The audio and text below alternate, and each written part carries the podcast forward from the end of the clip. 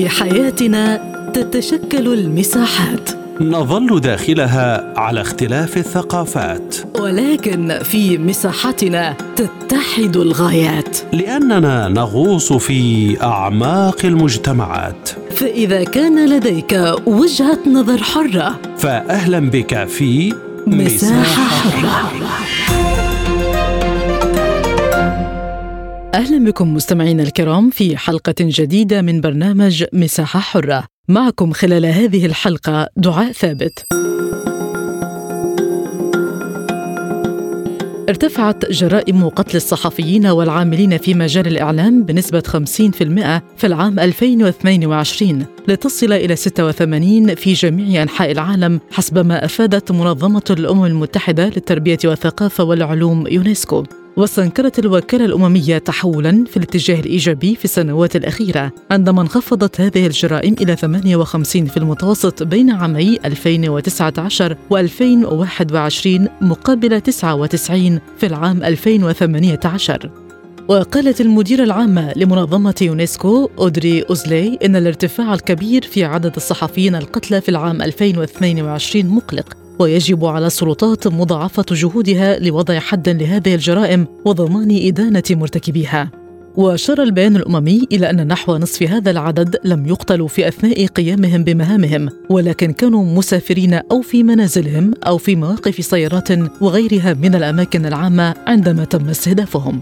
وفي هذا الإطار قالت المؤسسة إن هذا الاتجاه يشير إلى عدم وجود أماكن آمنة للصحفيين حتى في أوقات فراغهم مشيرة إلى أنه بالإضافة إلى القتل يمكن أن يواجه الصحفيون أشكالا متعددة من العنف. وفي العراق يتعرض صحفيون ومؤسسات إعلامية لانتهاكات كثيرة وصلت في بعض الحالات إلى حد القتل والخطف والتهجير وغالبا ما تقيد هذه الانتهاكات ضد مجهول. من جانبها قالت وكالة الأنباء الفلسطينية وفا إنها وثقت 310 انتهاكات إسرائيلية بحق الصحفيين خلال 2022 أبرزها قتل الجيش الإسرائيلي صحفيتين بالرصاص وأوضحت أن تلك الانتهاكات تضمنت القتل المتعمد أو الإصابة بالرصاص وإطلاق القنابل المسيلة للدموع أو الاعتداء بالضرب أو الاعتقال المباشر وتقديمهم للمحاكمات. وقال الأمين العام للأمم المتحدة أنطونيو غوتيريش إن الصحفيين والعاملين في مجال الإعلام باتوا يواجهون تسييسا متزايدا لعملهم والتهديدات تزداد يوما بعد يوم تخص حريتهم في أداء وظائفهم بيسر وذلك كان في اليوم العالمي لحرية الصحافة. للتعليق على هذا الموضوع انضم إلينا من تونس رئيس تحرير جريدة الصباح سفيان رجب. بعد التحية سيد سفيان ما أسباب زيادة عدد الصحفيين القتلى عام 2022 بعد أن شهدت النسبة تراجعا في عامي 2019 و2021 بالفعل هو يعني سنة داميه مرت على القطاع الإعلام وعلى الصحفيين.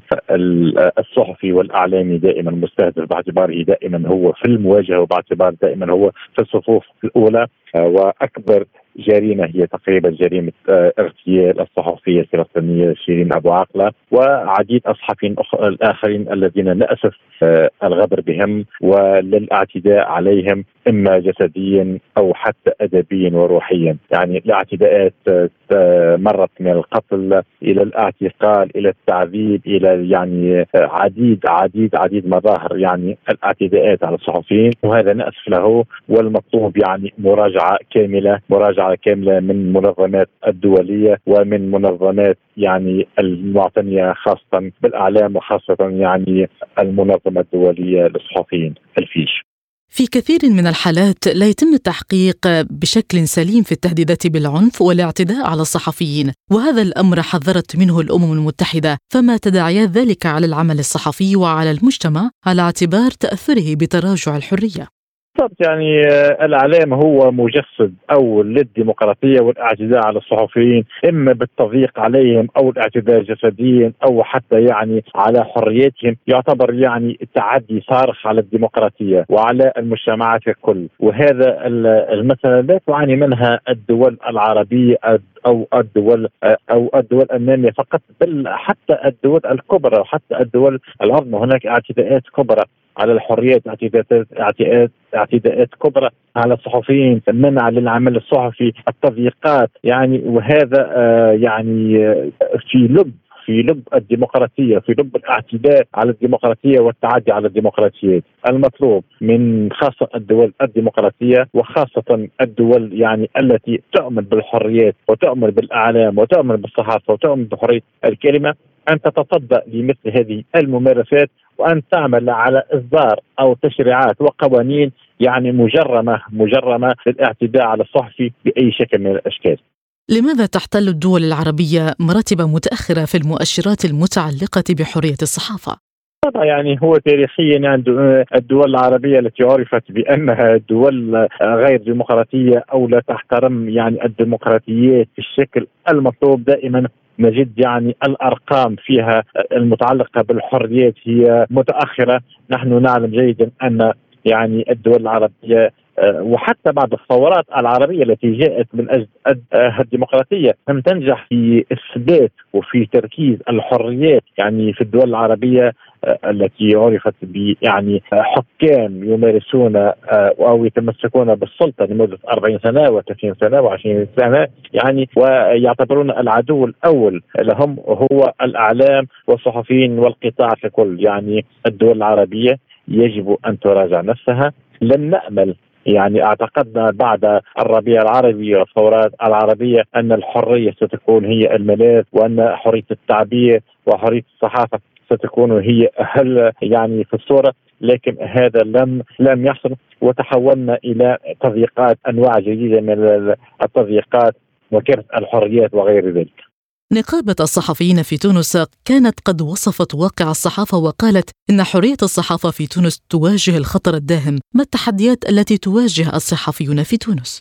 الحقيقة أن وضع الصحافة ما قبل الربيع العربي وما بعده لم يتغير بل زاد سوءا يعني اليوم ليس هناك يعني في السلطة طرف يتحدث مع الإعلاميين ومع الصحفيين، ليس هناك هناك تضييقات كبرى حول ليست ممارسة تضييقية بل يعني أنواع جديدة من الهرسلة، يعني هناك مؤسسات إعلامية آه، آه، تواجه الهرسلة المالية والإشهارية، هناك يعني بعض الصحفيين أحيلوا على القضاء وحتى على القضاء العسكري، هناك المرسوم رقم 54 الشهير الذي تم سنه منذ أشهر يعني والذي كان والذي أصبح اليوم كالسيف على رقبة يعني كل الأعلاميين وكل يعني من يعتقد في حرية الكلمة يعني الاعلام في تونس اليوم. يختنق الاعلام في تونس. سواء منه المرئي أو المصنوع أو المكتوب يعني يعيش فترة سوداء يعيش فترة يعني من جميع النواحي. ليس هناك كبت الحريات أو أو قمع بل هناك تضييقات تضييقات يعني كبلت الأعلام والاعلاميين وكبلت المؤسسات المؤسسات الاعلاميه التي اغلق يعني أكثر من ربعها أو نصفها يعني أغلق بسبب التضييقات المالية. ويعني نشاهد يعني آه، تقريبا السيد الرئيس الجمهورية لم يلتقي بأي إعلامي منذ توليه السلطة منذ ثلاث سنوات لم يدلي بأي حوار صحفي مع يعني صحفي أو صحيفة أو مؤسسة إعلامية وطنية آه، منذ توليه السلطة آه، في في في قصر الحكومة. ليس هناك مخاطب للإعلاميين ليس هناك من يتعامل مع مع الإعلاميين. في الوزارات وجميع الإدارات والمؤسسات أصبحت هناك تضييقات على المعلومة بالرغم من وجود هيئة هيئة خاصة يعني لاسداء المعلومة ولتوفيرها. يعني احتقل الحق الوضع الإعلامي ووضع حريات الإعلامية في تونس اليوم أصبح يعني يقلق ومن الضروري الانتباه إلى ما يجري ومن الضروري الإصلاح الحد من هذه التضييقات. رئيس تحرير جريدة الصباح سفيان رجب شكرا جزيلا على كل هذه الإيضاحات. نتجه إلى القاهرة حيث ينضم إلينا رئيس مركز آسيا للدراسات الدكتور أحمد مصطفى. دكتور أحمد بعد التحية لماذا لا تزال مهنة الصحافة مهنة محفوفة بالمخاطر؟ هي مهنة البحث عن المتاعب كما يقولون. طبعا كان التراجع كما قلت في 2019 و2020 بسبب وجود الوباء العالمي أو ما يسمى جائحة كورونا فبالتالي لم يكن هناك الكثير من الأحداث. رغم أيضا أنه الصحافه المستقله لها ثمن وهي شيء من الصعب جدا وجودها. تعلمي أن الصحافة ترتبط دائما إما بأصحاب المصالح إما بالدول نفسها. أما أن تجد صحافة مستقلة في العالم هذا شيء صعب جدا والصحفيين المستقلون يواجهون الكثير من المشاكل وخصوصا إذا كانوا بالفعل يبدون نقل الحقيقة من مكان أو عن حادث. معين إلى العالم. طبعا 22 مع الأحداث التي تحدث يعني عام 22 كان عام ملتهب بالأحداث فكان لدينا الكثير من الانتهاكات التي حدثت في للصحفيين سواء كان الأمر تعلق بالأزمة الأوكرانية أو طبعا بالحالة القريبة حالة فلسطين المحتلة من الكيان الصهيوني وبالتالي وكان طبعا حادثة قتل الصحفية الفلسطينية شيرين بوعقل مراسله الجزيرة في الأراضي المحتلة من أكثر الحوادث التي أدمت قلوبنا عندما تم قتلها بدم بارد من قبل جنود الاحتلال على مرأى ومسمع من الجميع وضربا لكل المواثيق برغم أنهم رأوا أنها بس أنها ترتدي القبعة وترتدي اللوجو الخاص بكلمة صحافة إلا أنهم أصروا على قتلها انها كانت يعني تغطي هذه الانتهاكات. وحدث سابقا يعني إذا تتذكري ما حدث للمراسل الصحفي أيضا لقناة روسيا اليوم في سوريا وكان صديق شخصي لخالد الخطيب عندما كان بالفعل يوثق هل كان التحالف السكيني ضد الإرهاب يقوم بالفعل بضرب المواطن التي يوجد بها الجماعات الإرهابية مثل داعش التي أنشأتها أمريكا وخصوصا الحزب الديمقراطي بحسب تسريبات هيلاري كلينتون. من عدمه وكان وكان يقترب كثيرا من هذه المناطق وبالتالي إلا أنه كان هناك خطأ مزدوج أنه كان يحمل هاتفا لويا حديثا أندرويد وهذا تم رصده من خلال الاقمار الصناعيه وبالتالي تم ضربه تحديدا ما حدث لبعض الصحفيين الصحفية الفرنسية التي كانت في بداية الأزمة الأوكرانية على سبيل المثال التي قالت أن لا يعني أوكرانيا هي التي تقوم بمثل هذه الحوادث ضد المدنيين وتتهم الروس بذلك وتم بالفعل فصل هذه الصحفية. يعني كل هذه الأمور ندلل للمشاهدين انه عندما تحاولي نقل صورة معينة عن الواقع. يتم اتهامك بسبب يعني تدخل المصالح العالمية وتدخل الأهواء العالمية وتدخل القوى العالمية للضغط لتوجيه الإعلام في العالم إلى شكل معين، إلى الآن يعني روسيا منتصرة في الميدان ولكن مهزومة في, في الإعلام الغربي برغم الهزائم التي تلاحق زيلينسكي شخصيا والتي نسمعها من قبل مخ... يعني مختصين وخبراء استراتيجيين في العالم. وأخيرا ما قمت به أنا شخصيا مع المفكر الاستراتيجي سمير فرج في مصر في آخر لقاء اجريناه في عين على الشرق التي أشرف بالتعاون مع بوابه الأهرام فيها والذي أقر بهزيمة الناتو في أوكرانيا وأن الجانب الروسي سينتصر لا محالة. الا أن لا زالوا يصرون على الكذبه الكبرى وقد دعتهم بوتين انه الغرب آلهة الكذب، كل هذه الأمور توضح لنا يعني فكرة الصحافة المستقلة وكيف هي للأسف يتم انتهاكها لأنها حتى إن حاولت تتكلمي عن هل بالفعل الاوضاع في الدول الغرب متحضر كما يصفه جوزيف بوريل أو للأسف كما وصفه بايدن عندما تحدث عن الحادث الأخير في القدس. كما قال لنتنياهو وهو للأسف أحد رؤساء العصابات وليس رؤساء الوزارات.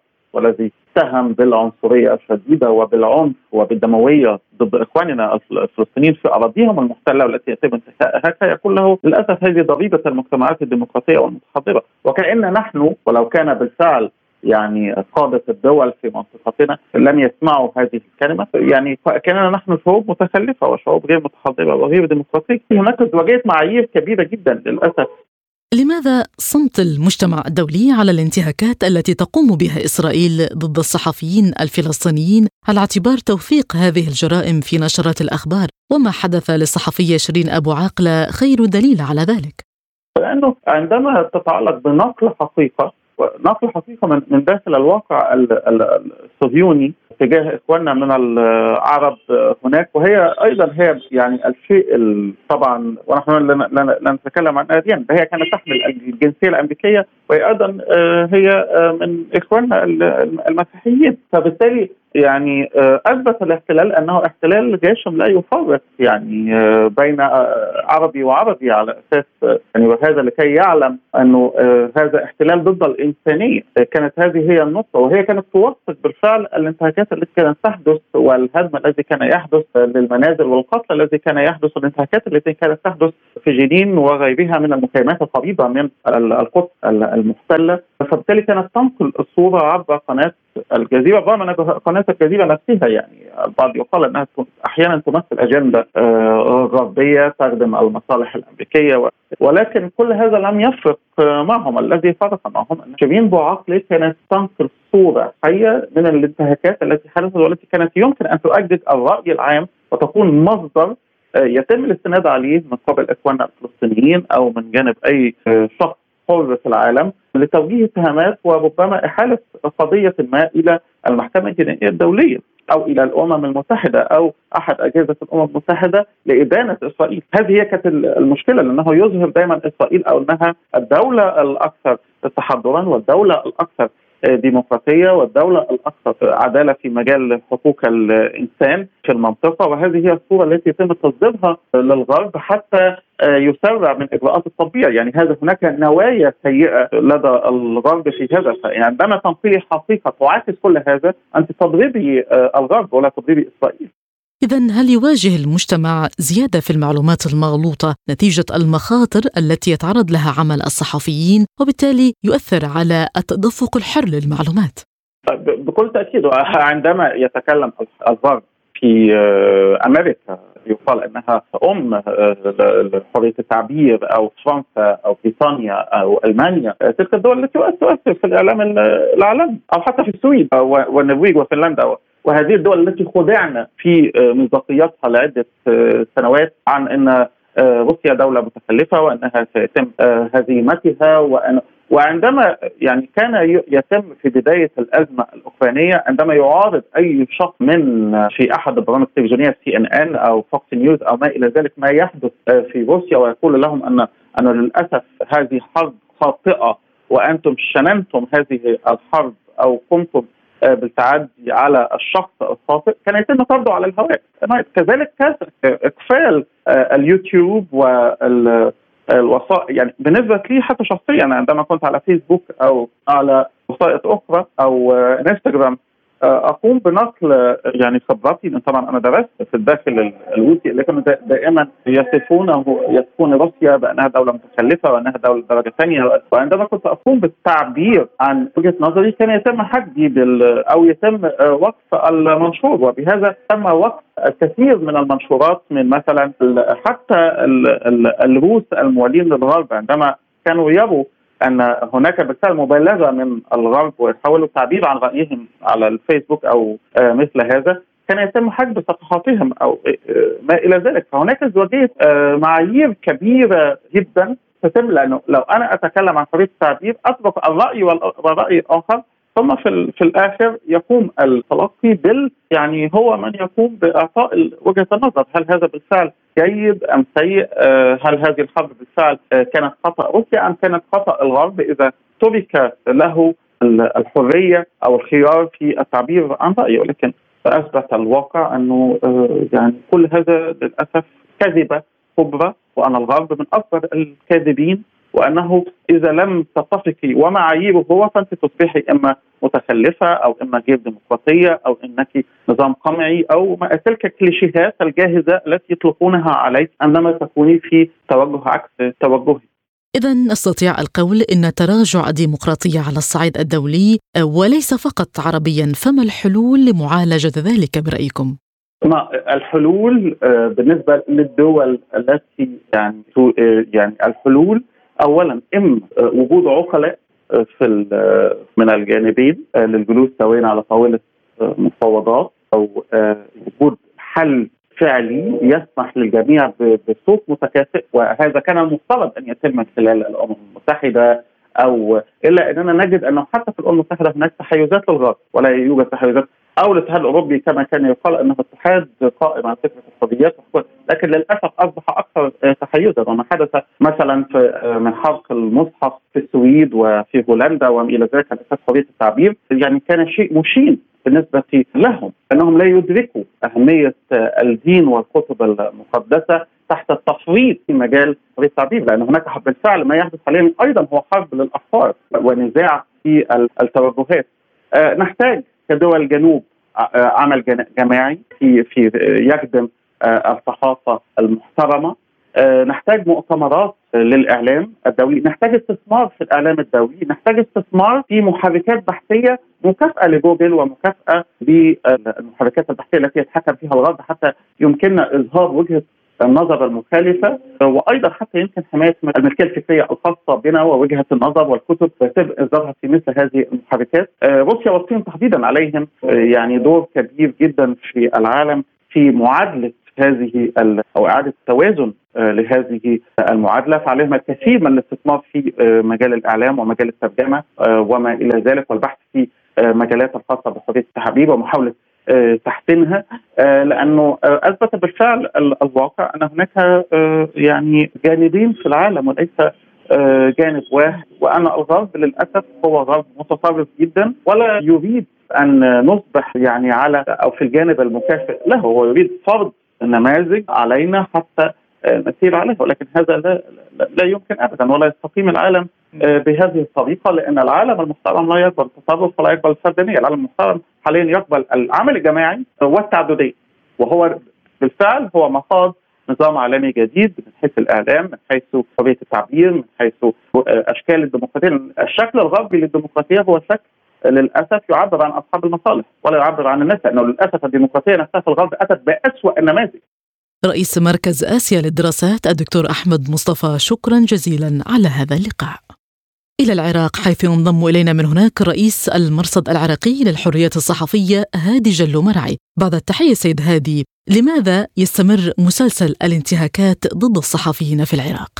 نعم شكرا جزيلا. في الواقع كنا نعاني من حالات قتل واستهداف مباشر للصحفيين خلال السنوات الماضية ولكن مع تحسن الوضع الأمني بقيت أشكال من الاستهداف والانتهاك تقع للصحفيين ووسائل الإعلام منها عدم قدرة المسؤولين على استيعاب العمل الصحفي والنقد يعني الشكاوى التي ترفع آه، ضد مسؤولين في محافل مختلفة. في الواقع أبرز ما آه، يواجهه الصحفيون الآن هو رفع الدعاوى القضائية ضدهم من قبل مسؤولين وآخر هذه الدعاوى كانت دخول آه، كبير بالأمس على صحفي في محافظة صلاح الدين هو طامي المجمعي الذي يعني رفع الدعوى قضائية ضده من أحمد الجبوري المعروف بأبو مازن في صلاح الدين بسبب يعني ما وصفه في الدعوة بأنه انتهاك للخصوصية وتشهير وإهانة وكرامة وحط من الشأن هنالك دعوة قضائية أيضا ضد الصحفي في ميسان جنوب العراق لأنه آه، انتقد آه، بعض السلوكيات العشائرية